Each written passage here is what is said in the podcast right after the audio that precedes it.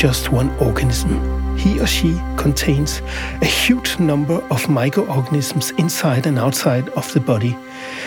There are more than a hundred billion bacteria in one gram of shit, and maybe 10 to 100 times more viruses.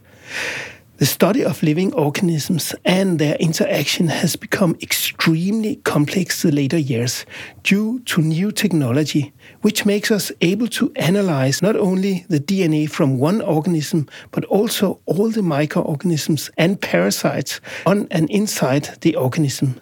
The new hologenomics approach gives more detailed information about an organism, the life processes, and the interaction with other organisms. Today, I'm visiting one of the researchers who has taken up the challenge of analyzing, understanding, and ordering the new information we can obtain from all these organisms which live together with us. It's Professor Tom Gilbert from the Center for Evolutionary Hologenomics, which is funded by the Danish National Research Foundation and Professor Tom Gilbert. Let's go beyond all the difficult words. What exactly has changed during the last 10 years, which makes us able to consider a single organism to be a whole jungle of different small organisms? That's a great question. I mean, we, we've actually recognized that big organisms like ourselves or a cow are not alone, but they're in close interaction with all the microbes inside them for a very long time. What has changed in the last 10, 15 years is how we can study that. So basically, uh, our research, which we call hologenomics, is based upon the idea of sequencing not only the DNA of the big organism itself, but the DNA of all the microbes in it. That is a lot of information. And to do that, we needed to develop uh, techniques to basically generate huge amounts of genetic data in one go. Once you can do that, then you can start to study the whole union of the two things. And so that's really been the main driver that allows this work to be done now. The fact we can simply go out there and look at it all and therefore try and make sense of what's going on. But what kind of organisms are you studying? Yeah, well, we're basically trying to study everything. I mean, we our center is called the Center for Evolutionary Hologenomics, and the idea is that uh, if we consider how life began and how life has changed through time, traditionally that's been studied from two different angles. On the one hand, we have people like I was a few years ago, organismal biologists who study the big organisms you can see and how, for example, a wolf changed into a dog or how, for example, primates evolved into hominids. On the other hand, we have the microbiologists who study at the tiny scale what was going on. Now, what we're really doing is putting the two things together and actually saying, look, if we if we know these microbes play such a critical role in how life works, and they're so tightly entwined with the host, if we want to understand how life has been shaped on this planet, we have to study both bits together at once. We can't afford to ignore one or the other half. And that's really the, the new thing we're saying. We're saying, look, we have the the, the, the, the sequencing technologies now, we have the computational technologies now, we have actually the economics. Now it's becoming cheaper and cheaper to do this work. That we should go and, if we want to understand anything about how life works, we need to study it as a union of the two at once. So, what kind of organisms do you carry around with you? I mean, if you are a human, you have, of course, your feces, mm -hmm. um, but but what else do you have? Yeah, well, so our, our bodies are interlaced or they're covered all over and to some degree interlaced with organisms, right? As you say, the, the classic one we always think about is the microbes in our gut that are that basically we take in when we eat food or drink water, and they sit inside our body, digesting down the food we take in and and basically converting it into some of the chemicals that our body needs. But we have microbes on our skin, we have microbes in our nose, we have microbes in our lungs, we have microbes on our eyes. I mean, basically, almost all of our body has got some kind of microbes attached, and these can be bacteria, they can be archaea, they can be biological entities that are not classically defined as life, like viruses and phages and so on. They can be fungi, they can be protozoans, these small eukaryotes. I mean, life is everywhere over us. Now, for us, what is really interesting is which bits of that microbial life are really important for us to exist and which bits of that are just kind of like passengers, you know, walking through. Let's say, for example, we are go and jump in the harbor for a swim, we'll come out covered in, in, in, water microbes. That doesn't, of course, mean that they're doing anything good or bad for us. They might just be sitting on us and vanish away.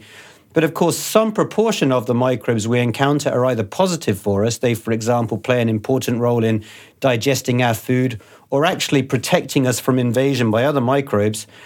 And on the other hand, some proportion are negative, the pathogens, for example. And so, you know, our main interest is actually sorting out those microbes, working out which ones play a really important role that allows us or animals or plants to exist, what those roles are, and if we understand what those roles are, can we reshape our understanding of how basically life began and changed and, and so on? So, so how many organisms are you talking about? How many how many organisms are you able to detect? Yeah, well, to be honest, the more we look, the more we find. I mean, this is actually a it's quite a difficult question, not only because putting organisms in boxes saying I have this one and this one and this one and this one is actually surprisingly tricky when you get down to the microbial level. But what we find is, you know, the deeper we look, the more we find. It might be that a small number of microbes on your body dominate, but that doesn't mean the rare ones that are there do nothing. And, and importantly, you can start to find very, very rare microbes can maybe play a really important role in the microbial ecosystem. And if you take those rare ones out, the dominant ones change, and that can have massive knock on effects on the body. But also, when you say microbes, do you mainly mean bacteria or you mean also uh, larger organisms? Yeah, in this context, by microbes, I mean things smaller than, than the host, right? So, say classically, we think of uh, bacteria in this, but also there can be fungi on there. They can be, uh, you know, small worms in some cases. There can be protozoans. And then say, as I said before, there can be the viruses that aren't even life itself. It's basically the things that you wouldn't normally look at and see when you consider an animal. For example, uh, maybe I'll give you an anecdote. The way I got into this is, is actually relevant. I, I was an organismal biologist, and I studied what is called organismal, or sorry, evolutionary genomics. This is the idea that uh, if we want to understand how a particular big organism has adapted to fulfill its role in life, we can sequence its genome and see what's going on. And I was involved in a study on vultures.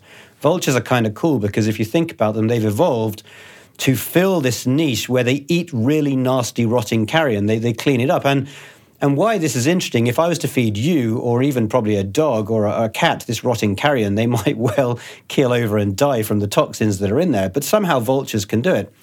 Now, as a classic uh, evolutionary organismal biologist, I said, well, I'm going to go and sequence the genome of the vulture, and I'm going to basically uh, look at what genes it has to allow it to deal with this. But as I was preparing to do this, I, I met one of my colleagues in the US, a guy called Gary Graves, and he was like, but you know, if you're going to do it anyway, why don't you consider looking at the microbes associated in, in the same time? And, and Gary's idea was, well, you know, if we were going to go to the effort of, of getting one of these vultures, and vultures have got crazy behavior. To, to get into the carcasses, they have to basically put their heads in through the soft orifice. They have to go through the mouth or the eye or up the anus of a rotting carcass to rip it apart. And Gary was like, well, you know, let's say if you're doing it, can't you look at the microbes all over the face of the vulture that it's getting when it does this? And and actually, why don't you look at the microbes inside it? And I thought, you know, sure, let's do that. Let's see what we find. And so we did this study to look at the microbes on and inside the vulture, basically to see what's it picking up from what it's eat, eating. But as part of the study, I, I, had an idea, and I was at Copenhagen Zoo, and I spoke to one of the vets there that I work a lot with. And I was like, you know, is there any chance we can sample one of your zoo vultures at the same time? A bird which is fed fresh chicken, basically, never never's been exposed to these nasty rotting carcasses. And so we sequenced the microbes on the wild vultures and the zoo vultures, and and you know when we started looking at the results of the wild vultures, the bacteria that we found inside them were horrific things, things like Clostridia and Fusobacteria, things that cause gas gangrene, really nasty infections, which completely fit because they're eating these rotting carcasses that it would come from. But what was really striking was when we looked at the zoo vultures that had never been fed this stuff, they've come from generations that have never been fed it. They were maintaining inside them these Clostridia and Fusobacteria. And I found that really striking. I was like, well, this is weird. It's maintaining inside it for generations these really nasty, to most other organisms, bacteria that come from rotting carcasses. And that kind of switched a light on in my head. And I was like, hold on, if things maintained things, that suggests there's probably a reason for it. And that actually opened up my eyes as an organismal biologist to the idea that these microbes are probably super important. Now, to some degree, this is an incredibly stupid uh, observation from my point of view, or at least stupid it took so long. Because if you ask an agricultural scientist or an animal scientist about, for example, cows, and you say, well, how do cows, you know, eat grass and whatever? They'll say, well, you know, they, the cows eat the grass, but the bacteria inside them crunch up, you know, the grass and turn it into food. Really obvious to them, but but to an organismal biologist like me, who's so focused on the big organism, I'd kind of ignored the bigger picture relevance of this. So at this point, my colleagues and I started thinking more and more about and reading into what kind of roles can these associated microbes do. Um, and of course, many of the roles are to do with food. In the vulture case, it's digesting and, and dealing with the nasty, toxic, rotting carcass. And in the cow, it's dealing with the uh, with the grass. And presumably, in a thing like a koala, it's dealing with all the, the toxins in eucalyptus leaves and so on. But what was really striking as we, we started reading the literature was that there are more and more studies coming out that are looking at the microbes on animals, but also plants, and showing that the roles they have don't necessarily just relate to food. So, for example, there's a, a really amazing study I encountered a few years ago, published by a Swedish team. And what the team did, they somehow sampled the microbes inside the digestive tract, basically by going in through the, the backside of the animal of brown bears. And they, they, they, they got, you know, free, free ranging brown bears in the summer. I guess they tranquilized them and they went in and took a sample. But they'd also done it to bears that were hibernating in the winter, which is just crazy. I think wonder how on earth you approach a hibernating brown bear and stick something up its backside to get some microbes. So, so that was very cool. But when you looked at the findings of the study, what they showed was that the actual hibernation process was being in some way driven and conditioned by the microbes in the gut of the brown bear. You know, without a particular microbial community, they wouldn't have gone into hibernation. And there are studies coming out showing, for example, temperatures that animals can live at are, are driven by the, the microbes inside them. And there are studies about behavior. They show that, for example, if you change the microbes in a, in a mouse, it will either become very bold or very scared, or it will change its behavior completely. And actually, this is also why people are getting interested in microbes and, and human health and, and, and uh, mental health questions today. But but so so this was really really striking to us the incredibly wide range of processes that seem to be driven by these associated microbes. And this really actually, to cut a very long story short, is what set off the light bulb in my colleagues and I's head that is like a lot of the processes that we evolutionary organismal biologists think are are are fundamental to how life life works. For example, which species are successful, which species go extinct, which species radiate into many, many different forms. Which one stares a single lineage? Um, which ones are good at invading new areas? Which ones aren't? A lot of the, the, the basic things you need to do that are things which it's very clear microbes can provide. And so you can start to reformulate certain questions. So, for example, if we, um, let's say we have, uh, right now off the coast of Denmark, there's the, the, the invasive blennyfish, these smaller fish that, that are along the coast that are spreading incredibly rapidly. They're invading everywhere. You can ask the question why is this so successful at spreading when other related fish are not doing that? As a classic organismal biologist, we'd look at the fish and we'd say, well, maybe it's to do with how many babies it has or the pH of the water or so on. But as a, a hologenomicist, as we are, we're thinking, well, maybe it's the microbes associated with it that allow it to do this. Maybe it can it can work with microbes in a better way to allow it to live in a new environment or or to digest new food. So we're invoking the associated microbes as part of, of the question what's going on. And you know, a, a similar example question you could ask is um, if we look at birds, there's something like 10,000 species of birds. And you know, biologists divide birds up into groups. We have different orders of birds and families of birds and genera of birds. You know, cataloging them all. But there's not an equal number of everything. There isn't a, an equal number of different bird genera and bird species in each group. Some are wildly successful. The songbirds, the passerines, are incredibly successful. Uh, the overwhelming majority of birds are passerines. Now, a classic evolutionary biologist would look at the question why are the passerines so successful? What has allowed them to be so successful and spread over the world, but all the other bird lineages have kind of failed to do that? And again, people might classically look at, well, maybe it's to do with the shapes of their beaks or maybe, you know, how they, they adapt to different foods or so on. We think that's probably true, but we think the key to adapting to new foods is actually changing the microbes inside you to deal with them. Because, you know, if you are eating seeds and you want to move to fruit or to blood or to meat or to insects, if you can change your microbes to digest that food and get more energy out of them, you're just going to be much better at changing. So we we would invoke the, well, we would say the birds that are most successful at fulfilling all these niches and spreading are the ones that can change their microbes fastest and use their microbes as a tool and therefore you know really outcompete the other things so so this is essentially what we try and do we try and study if processes which are key to explaining some of the big questions in ecology and evolution if they can be explained by an interaction of the host with its microbes and therefore provide an alternate explanation to how things work than um, than standard things that ignore the microbial angle. And that's actually why our center is called the Center for Evolutionary Hologenomics. It's taking the hologenome, which is the genetic material of the host and the microbe, and seeing if we can come up with new ideas to explain how life works from it. It makes me think about my little dog, which uh, sometimes find a, a, dead bird in the mm -hmm. street and and get very excited about it. And I, I have been thinking if I took a bite of that dead bird in the street, I would probably die or worse.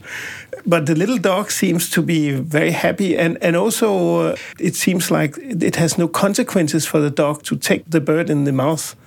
Yeah, so so that's exactly right, and there can essentially be two explanations for that. Either one, your dog, just the dog itself, is somehow uh, built to to either negate the effect of the nasty bacteria. And maybe it's got a very strong acid in its gut, and you know the bird comes in and the acid kills everything, right?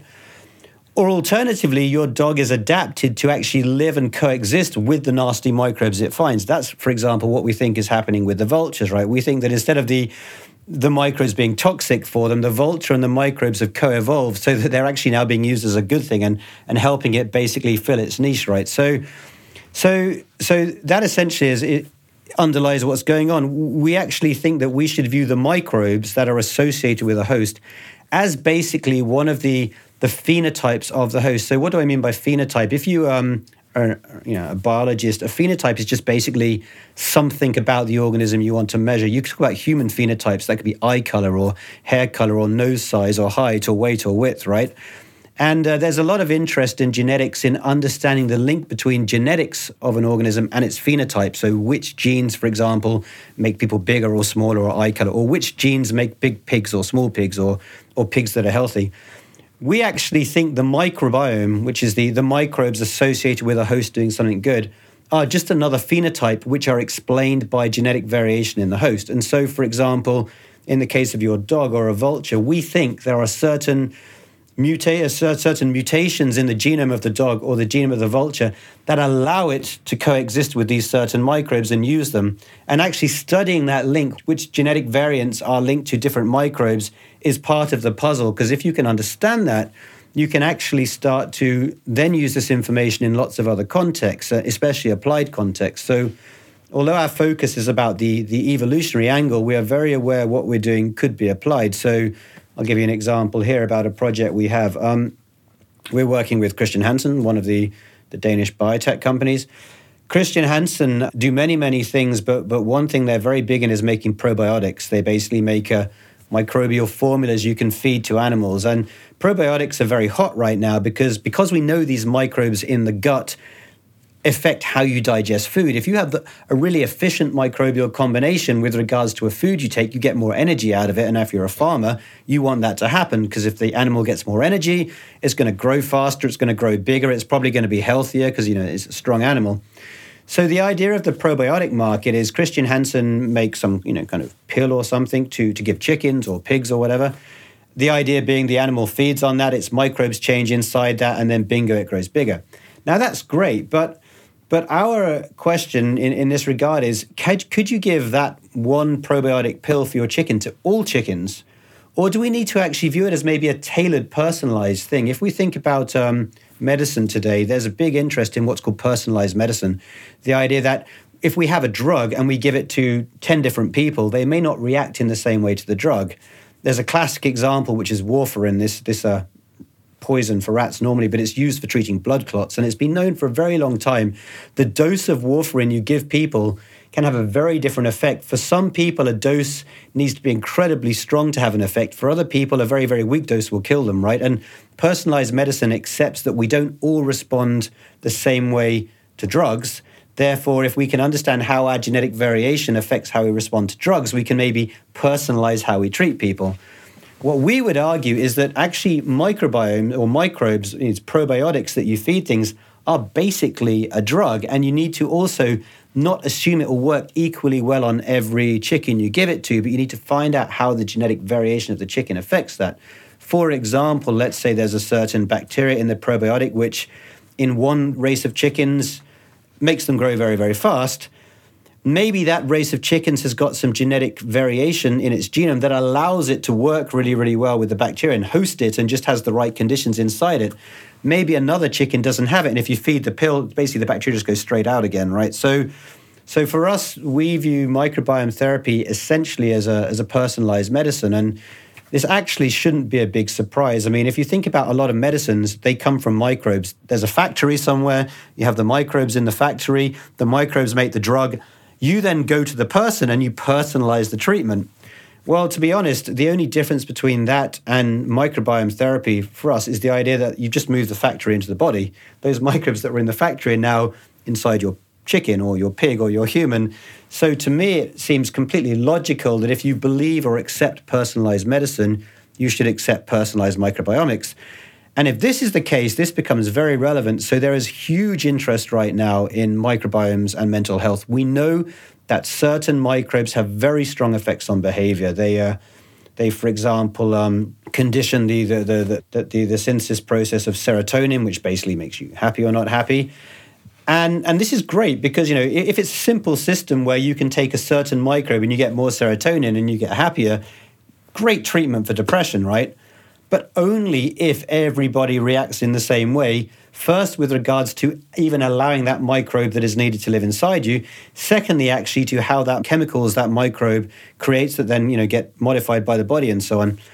And so, you know, what we uh, what we're actually trying to do, outside of our very basic questions, is by understanding the link between how genetic variation of a host and the microbes goes together, then translate that to these more applied questions and maybe make uh, animal production uh, more effective, for example, or in fact, you know, microbiome therapy more effective in humans. Um, there's a long, long way to go there. It's, it's by no means straightforward, but uh, it is at least an end goal for what we're aiming at. I remember from my biology studies that we actually have in our intestinal system uh, some Peyer's patches, are they called, and a very active areas which are closely related to the immune system. And we also have nerve connections to the intestinal yeah. uh, areas that that could actually be. I'm, I'm also thinking about we have actually feces transplantation mm. as as a treatment yeah. that you can uh, get in a in a hospital, and and it works uh, extremely well. Well, yes and no. So th- that's a really interesting area that started fecal microbiome therapy, and just so we're on the same page, it's the idea that certain microbes associated with with your gut and feces seem to make some people very, very healthy. And, and some people who've got gut problems, for example, like irritable bowel syndrome or, or these or Clostridium difficile infections, it can be argued and shown, in fact, that they have the wrong microbes inside them. And it turns out it's very hard to treat these microbes with antibiotics. You just can't get rid of them. And so the idea, though, is instead of treating them with antibiotics, why don't you see if you can just replace the microbes? So feed them the good microbes purified from good people's poo, basically, and basically dislodge them, push them out of the way. And, and it does work incredibly well, something like, I believe, 80, 85% of the time. However, to me, the interesting question is what about the other 15%? Why is it not working? And I wonder if it's not working in that case because people are being given the wrong microbes for their genetic background, right? You know, we're just uh, assuming that the microbes we're putting in will be equally well tolerated by everybody. And that's where the personalized bit comes in. If we can tie apart exactly how genetic variation in a, in a human or a host actually uh, works with different microbes, we can at least start to predict what's going on. You were asking about, you know, well, you were mentioning different things about the gut that could change. And actually, I think to me, the most attractive idea that genetic variation between individuals like you and I can affect the microbiome is because there are just so many ways we could do it. For example, if you and I get a genetic mutation to change the enzyme concentration in our spit, or the shape of our mouth, or the shape of our teeth, or the pH of our teeth, or the pH of our gut, or the length of our intestine, or the length of the microvilli in it, or the rate at which our intestine is contracting, or our immune response to different microbes all of that could affect the microbial community, right? Because they're all little factors that will affect the success or failure of different microbes. And, and so, this to me is why it's so obvious that genetics has to play some kind of role in conditioning what's going on. Essentially, setting the baseline for which microbes you or I could possibly have with us. Now, what I'm saying I think is very logical, but we have received a bit of resistance because it is very well known that microbes in any environment are incredibly affected by changes in the environment. And in this case, the environment can be anything. In the context of you or I and our microbes in our gut, it could be our diet, or if you smoke, or you know, if you take narcotics, or how long you sleep, or how old you are, or you know, where you live, or so on. And it's very, very true. All of these will affect which microbes are inside you. If I was to sample your microbes now and this evening and tomorrow and the day after, that community would have changed it won't have completely changed, but the whole time it's in flux, right? But our view is that although the bigger things are changing, underlying it all, there still has to be some process controlling which microbes could or could not be in there. So, as an analogy, I'd like to give you height, for example. We know that genetics is very important for height. We also know the environment has a very big effect on height. I mean, I have three brothers who look identical to me, with the exception that they're all a lot taller and more muscly than me. And it turns out when I was a kid, uh, I didn't eat very much. And as the first child, my mum didn't force me. So I know the nutrient intake I had as a kid ultimately affected my height. But I also know that no matter how much I'd been fed, I would never have ended up as a one of those six foot six NBA basketball players, right? I just simply genetically don't have the basis to get there. Similarly, I would never have been as small as maybe, for example, a bushman down in South Africa, right?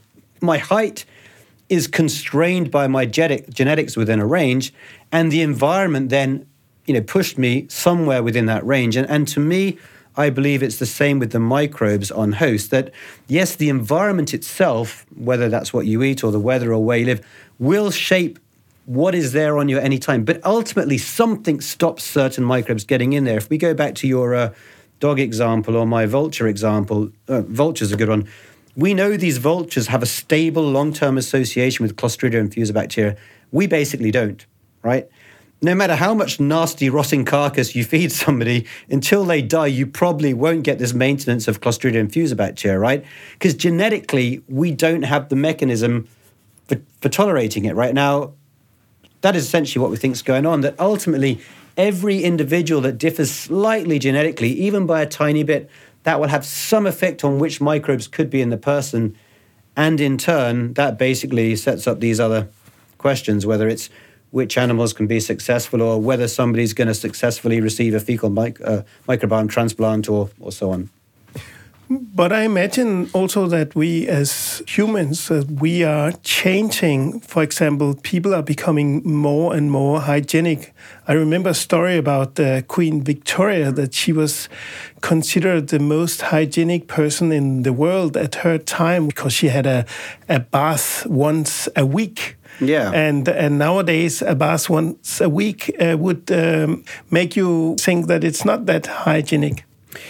Yeah, I mean that that's a really interesting point. Um, I actually remember hearing a talk by a man called Richard Jefferson, who you can give a lot of credit for basically coming up with this this idea we should study li- uh, life as a hollow uh, uh, from the hologenomic angle, and he actually made this exact point that you know as we shape life, we're at risk of losing microbes, which might be very, very important. And you can shape life in many ways. You can do it by washing, as you say, right? We're washing off microbes all the time that might have a protective role on us. On the other hand, you can shape it through domestication or changing agricultural uh, uh, methods. So, for example, if you think about the microbes that are on the roots of plants that are so important for, for, for how the plants grow, as we start to farm crops in monocultures, and as we start to fertilize them in certain ways, we're very much changing the microbes in the system that they could possibly draw on, and that can have an effect long term of what's going on. Now, it's not sure that that's an irreversible process. I mean, I guess you could argue that if you make something go extinct like a mammoth. And if a mammoth had a number of microbes that had evolved to only be associated with a mammoth, and the mammoth goes extinct, then yes, you will lose the associated microbes. Whether, though, that's a major problem is another issue because you could argue, for example, microbes that are so closely tied to an organism they can't exist anywhere else, losing them probably is not going to be a major problem for anything else. But but back to the human example. I mean, you know, this classic problem we're, we're all aware of now in, in the West of allergies, right? I mean, this has been long discussed. Uh, why the hell do so many people have hay fever and stuff now? And one of the, the good reasons is because our immune systems are essentially not occupied by this kind of basic covering of microbes we're used to because just life is too clean. We clean our houses too much. And so our immune system, which has evolved to be quite an active thing, uh, removing microbes that are problematic, has now got nothing to do and uh, you know, the, uh, when there's nothing to do, it starts to do other things and starts to, to attack the body or or make immune responses to pollen or so on, right? So, so yes, the fact that we're changing, removing microbes must have consequences. Now, whether they're good or bad is another question because I, I guess there's a trade-off, for example, about you know, would we rather uh, risk getting cholera every time we go and drink water or typhoid or whatever uh, versus uh, having hay fever, right? Because you know, there's always good and bad things about it, but it, it is very, very clear that we have evolved with certain microbes, and we being humans, but animals, plants, anything on this planet, the microbes we're encountering are changing in two ways either because we're changing the diversity of them, we're just reducing it, or because more microbes are coming in from places we haven't been before, and this does have a big, big effect. But if, for example, you take a family and analyze their uh, microbiome, mm uh, would you be able to see that this family lives together? This is a, a unity, or, yeah. or, are they all different? No. So there's actually been some really interesting studies about this, and yes, because the environment has a big effect on conditioning the microbiome, you do start to see these effects. You see, for example, uh, you know when. Uh, two adults start living together in some kind of very close relationship, actually their microbiomes do start to change. They start to resemble each other really interesting. Apparently, you can. Uh, when humans start to live with dogs, you can actually start to see similarities in the microbiomes, right? That are actually changing because of the constant exposure to the two things. Um, so, so you definitely have have these kind of effects. And I remember hearing somebody, and I can't, honestly can't remember if this is published or not, but somebody was basically telling me that they can, in theory, detect unfaithful pairings of people based upon the microbiomes. Because if you measure the microbiomes of of cohabiting couples and normally they're quite similar but if you start to see very very distant ones it might be a sign that either the the cohabiting couple are not so friendly as they used to be with each other or in fact you know one of them is is up to something with somebody else so so there is definitely this effect of the environment on what's going on but they will still not be identical uh, my wife and I might have a very, very similar microbiome, but ultimately we differ genetically, and that will be stopping them being completely identical. And and actually, in my family is a good example. I have I have two kids. Both of them are adopted. Both of them are adopted from Africa. So genetically, very very different. Both adopted from different countries, and actually very different countries in Africa. So I, I actually be a fascinating uh, experiment for me to do to sequence my wife, my kids, my microbiome, and see exactly you know the effect. And I would predict my uh, my two kids' microbiomes will be much more divergent from my wife and I than, for example, a a classic family with biological children, right? Because of that that difference in genetics. I was also wondering how detailed picture do you have of the microbiome? Do you have 10% of the parasites and microorganisms who live on you yeah. or do you have 50% or or how much do you have and how much uh, biodiversity is uh, yeah. there in the in the microbiome? Is it like a jungle or is it yeah. like a, a forest? We have an extremely good picture of the very common microbes and an extremely bad picture of the very rare things. And again, microbes is a bad term here, but as you move to things like viruses or bacteriophages, we have an extremely, extremely poor picture of what's going on. But you know, but the, the most dominant microbes on an organism, when you go and sequence the organism using the you can reconstruct them very, very well. And and typically, it depends on the organism, but you say you might find. Uh, a few to 10 or 20 really important things, for example, in the gut. But then the gut will be very different to the skin and so on, right? And so, you know, I, I don't think any human has been completely thoroughly tested everywhere all over to see what changes, right? But but, but this comes back to the point that although we have a very good idea of the very, very common microbes, there is possibly a very flawed assumption that the common things are the important things. I, uh, to give you an analogy that I stole from somebody else, um, somebody was telling me that if you uh, if you actually study cities, often what can make a big difference in how organized and well run a city is is to do with the number of policemen and, and the, quality of the policemen you have in the city. They're a very small group of the population, but they can have an enormous effect on how the city is run and so on, right? And and this essentially is what may be the case in microbes, that it's the, the very, very rare things, possibly the things that we're not even able to detect right now because we simply, I mean, there's a huge number of microbes that, that we just simply don't know what they are. We can either sequence them but have got no idea what they do, or we can sequence them but we can't even stick the bits together because they look so different. We really are scratching the surface of what's going on, on, on there. And, and until we really understand that, I think we will have very, very limited ideas of what's going on. So, the state of the art of what my colleagues and I are doing right now is really looking at associations between the genetic variation of the host, the human or the dog or the cat, and the really common microbes. And we know that is probably childishly simple thing. Um, instead of just looking at which microbes are present, maybe the important thing is which microbes are present together or working together or present at the same time or interacting with each other. I mean, that's a whole other difficult thing to study. And and we typically, for us, the body is like a black box. If, if you, for example, study a, a fecal sample, a poo sample, or if you, for example, cut open an intestine and pull out the content and study that, you're actually getting a huge amount of different variation in that one thing. Ideally, you'd have to start studying at the really, really tiny, tiny scale, right, in very localized areas and see what's going on.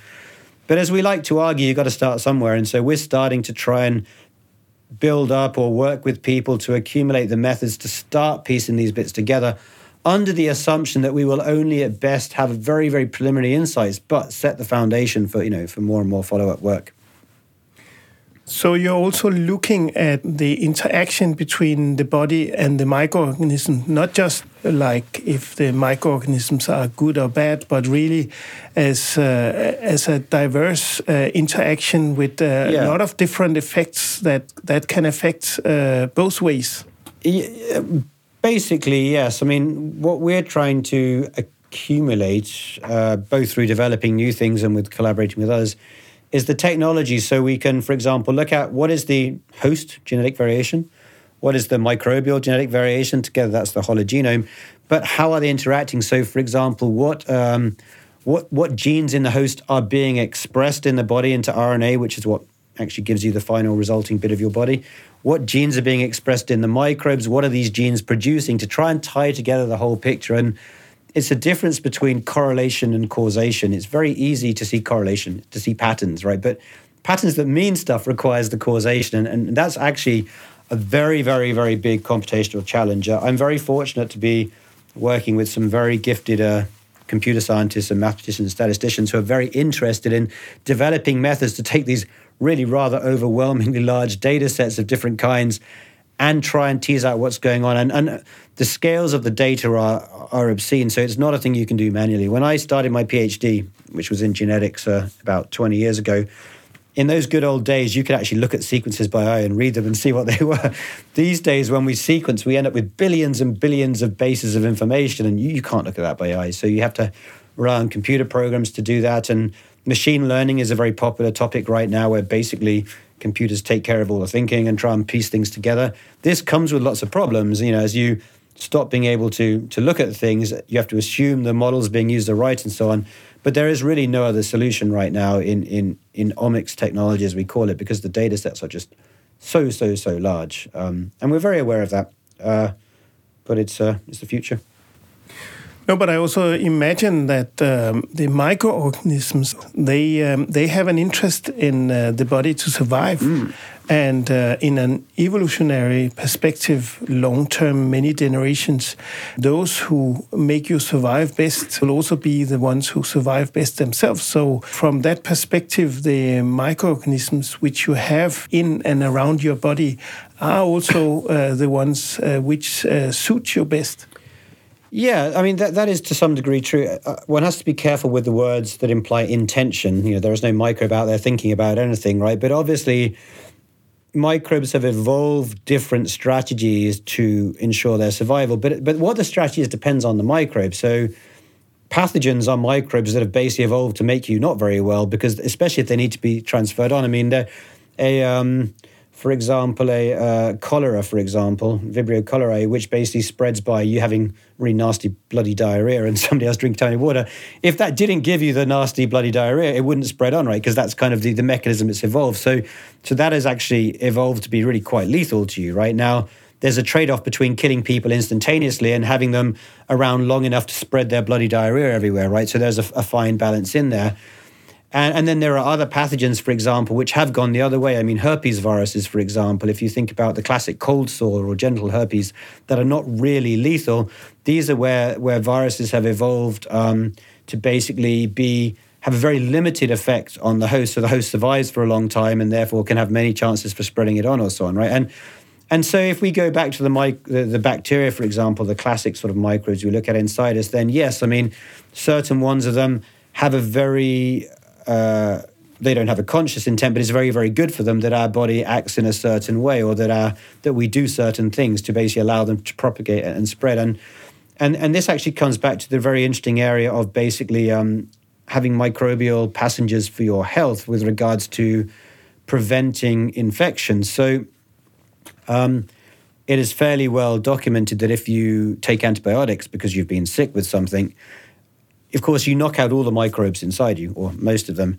Sometimes you can get sick straight afterwards. You can get cold sores in your mouth or something because you've knocked out all the microbes. Your body has become virgin, uncolonized terrain, and all sorts of microbes can now jump inside you, not necessarily good ones, right? So, so often you're recommended after taking antibiotics to take a probiotic straight away to kind of recolonize your body and protect it.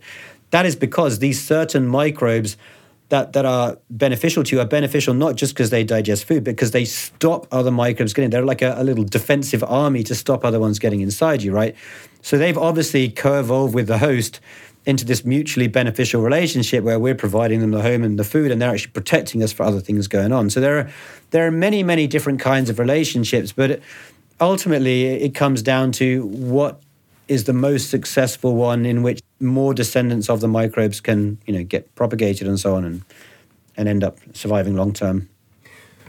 I think about that. Um, we're used to think about the world as analog, like mm. biological organisms uh, yeah. who lives in a in an analog uh, world. But uh, genetics is actually uh, digital. This is uh, digital in the way that they are numbers that can put into a computer and, and compute it. So, how do you see the world after uh, working with hologenomics for some years? Are you going to uh, perceive the world as digital or as analog? Well, I I don't think it's either, to be honest. I mean, the way I see it now is much more complex than I used to see it. And, and that is because it's true, genetic information is quite straightforward. But you know, once you start to appreciate that for you to exist, it depends on which microbes you're getting, and they're kind of unpredictable and they come from many, many places. And actually, microbes can sometimes even give you DNA directly into your genome. And microbes can exchange DNA between each other. So one bacteria might look like one thing today, but might suddenly acquire some other genetic material from another one.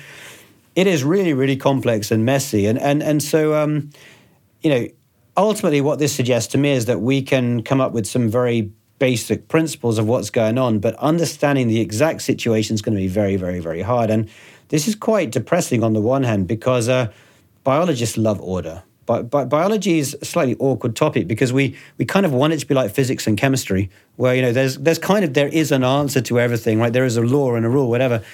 I mean, if you think about what biologists have done since Linnaeus or even before that, they've tried to put animals in boxes. There, well, this is this species and that species and that species, right? But what we're learning now in just regular genetics, regular animal biology, is that that many species are actually hybrids to start with. They're created by two other species, not you know, not, not the classic process of one species evolving into to two, but two species coming together and making a hybrid. If you, for example, uh, there's um, there's an interesting controversy in the Americas right now about the red wolves. Red wolves are these uh, wolves which are red, weirdly enough, and it turns out that uh, there's a lot of debate about are they uh, sort of a hybrid that we should get rid of? Are they sort of a, a, kind of weird mix between wolves and coyotes? Or are they, you know, something else? And it turns out, well, they are a weird mix of wolves and coyotes, but they've been that way for tens of thousands of years, right? They were created as a brand new species by hybrid, and they exist as that. This is not good news for your classic evolutionary biologists because they're like, well, that's not following how Darwin said evolution should work, right? And and, and hologenomics is the same thing because we're, we're so used to saying this is what defines an animal or a plant. But given the microbes associated with them can have such a big effect on them, on the behavior or what they want to reproduce with or where they can live, it gets really hard to say that, well, actually, these two things are the same thing, right? Because if you change their microbes, they might be different. So it's really making a very big mess of our standard trying to give biology order. And of course, what that basically tells us is we shouldn't be trying to do that, right? We need to realize uh, or accept that that there is no simple black and white physics like biology, right? It's much more complex, uh, much more natural process. And this again comes back to the idea that you know at least the more we study it, the more we can find general ground rules, and at least that can then allow people to use that for practical purposes, which I think is what's most important, right? I mean, ultimately, I would argue the most relevant thing about what we're doing about trying to tie together how genetics in the host affects which microbes are on it and what effect they have on it is we can exploit that whether in human health or growing better crops or, or you know growing fitter animals right we might not be able to put things in nice equal boxes but you know, that's stamp collecting. What's more important is the practical applied benefit of it. What you are telling me makes me extremely curious about patterns across the animal kingdom and the plants and the microorganisms that you find. Do you find any any patterns that you can say that uh, organisms from that geographical area tend to be like this and that, or do you find any anything which uh, you couldn't have found uh, uh, by other means than hologenomics? Well, the, our hope is to try and find them. We haven't got there yet. We're still looking, but that's exactly what we're trying to do. So this comes back to a thing I said earlier that, for example, your regular evolutionary biologist will take a question like, "Why are the songbirds so dominant?" and they will come up with all sorts of reasons, all of which ignore the microbes. And we're trying to say, well, maybe all these other reasons are, are side products, and maybe the real reason is, in fact, uh, the fact that they can just work with a much wider range of, of microbes. And that actually does raise a hypothesis. Maybe you can hypothesize that the species which have been most successful at evolving into a, a large range of descendants are the ones that had the greatest ability to change the microbes inside them. Whereas maybe the, the species which uh, have kind of become evolutionary dead ends. If you think about, for example, uh, the vampire bats, there's basically three species of vampire bats, and they are the only bats which are obligate blood feeders. They have to eat blood, or at least at least two of them have to eat blood only, right? And and you can ask the question, why are there only three of these? Why haven't there been more of that? I would argue, well, in order to successfully eat blood, they had to evolve to have a very particular microbial community to allow them to get the nutrients out of the blood. But by evolving to have that very tight relationship, they've lost the ability to work with any other microbes. Therefore, they're stuck now in the blood niche. They can't get out of that, right? A, a classic evolutionary biologist would say, well, maybe they had to evolve very, very special teeth and a special kind of stomach to allow them to do that, and now they can't change their teeth or stomach, right? I don't think that's the case. I think they can't change which microbes they are bound to now, and they've become stuck in that dead end. Um, another area that I find really interesting is is domestication. So um, this is a topic I worked on a lot before I became a hologenomics guy. And you know, to me, uh, there are some very interesting questions. For example, um, we know that dogs come from wolves. Okay, there are many different reasons why dogs might come from wolves, but what is interesting is wolves are only one of a number of canids that have lived alongside humans for a pretty long time, right? And actually, humans and wolves have only lived alongside each other for maybe 70, 80, 100,000 years after humans left Africa. There are no wolves in Africa. But, you know, when we left Africa, we also met uh, golden jackals, we met dholes. In Africa, there are Ethiopian hunting dogs, and there are black-backed jackals and side-striped jackals, and, uh, and, and all sorts of other canids that we lived alongside that we didn't domesticate. Now, this to me is quite interesting. Why did we domesticate the wolf and not the other ones? And you could say, well, maybe we didn't need to because maybe, you know, maybe the function the wolf gives human was not really needed. But I mean, classic functions of, of dogs are hunting. It would have been very useful in Africa, I'm sure. Guarding should have been really useful in Africa, right? You know, having a, a canine that barks when a lion comes. So, so it seems strange that it would be magically only when we met wolves that we domesticate them.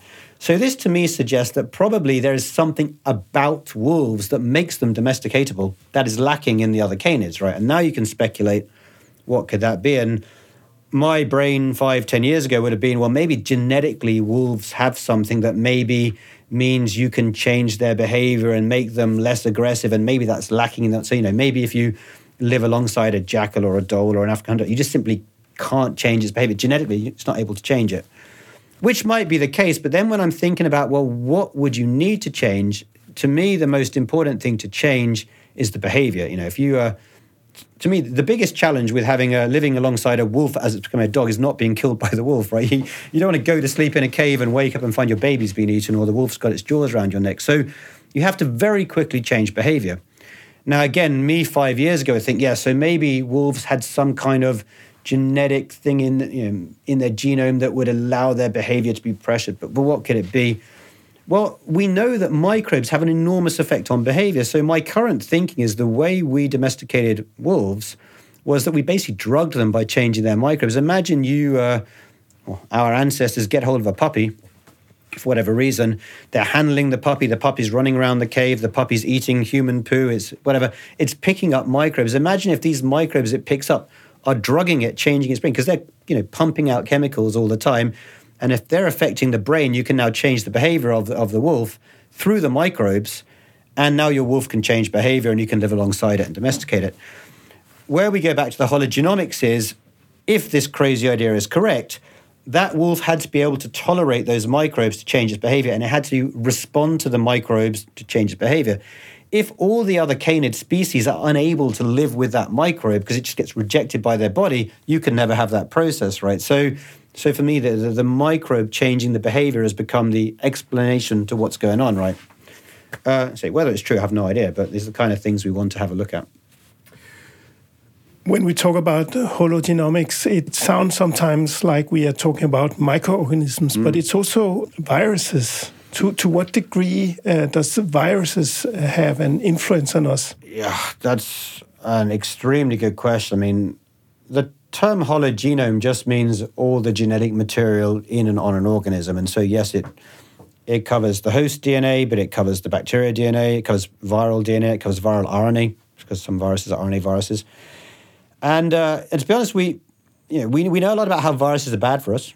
Um, we know a lot less about how viruses are good for us, but there is growing interest in um, prophages, and prophages are uh, these relatively small viruses which have apparently evolved to have very specific relationships with certain bacteria and negative relationships. So a prophage exists by infecting a certain bacteria, reproducing inside it, and killing the bacteria to spread on.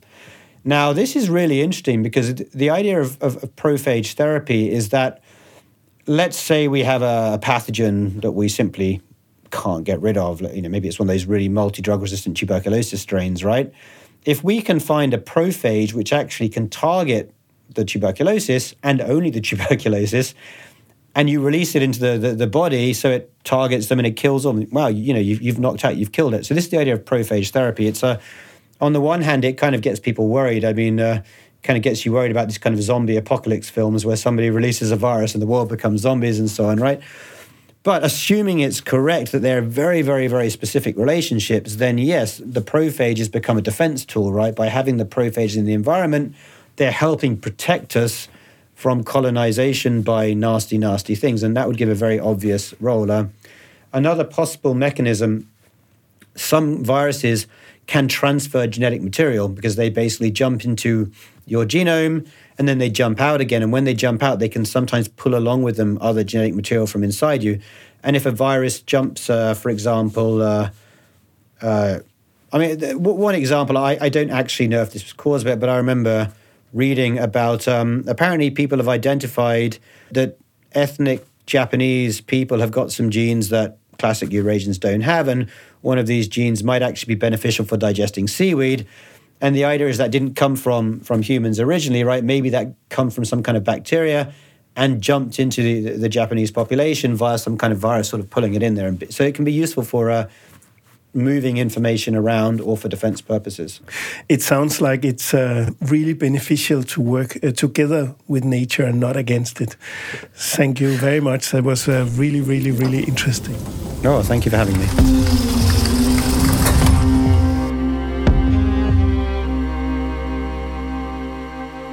If you like stories about science, you can find our website at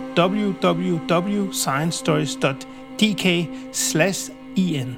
You can follow us on social media Facebook, Instagram, LinkedIn, and Twitter. And you can listen to our stories on SoundCloud, Podimo, Spotify, and Apple Podcast. Please don't forget to rate us and leave a comment. I'm Jens Degett, and this was Science Stories.